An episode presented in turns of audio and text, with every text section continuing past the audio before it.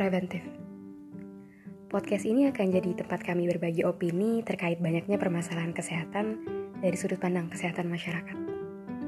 Karena nggak hanya pengobatan, upaya peningkatan derajat kesehatan masyarakat juga sama pentingnya. Salah satunya lewat edukasi. Dengan preventif, kita bisa jadi lebih produktif.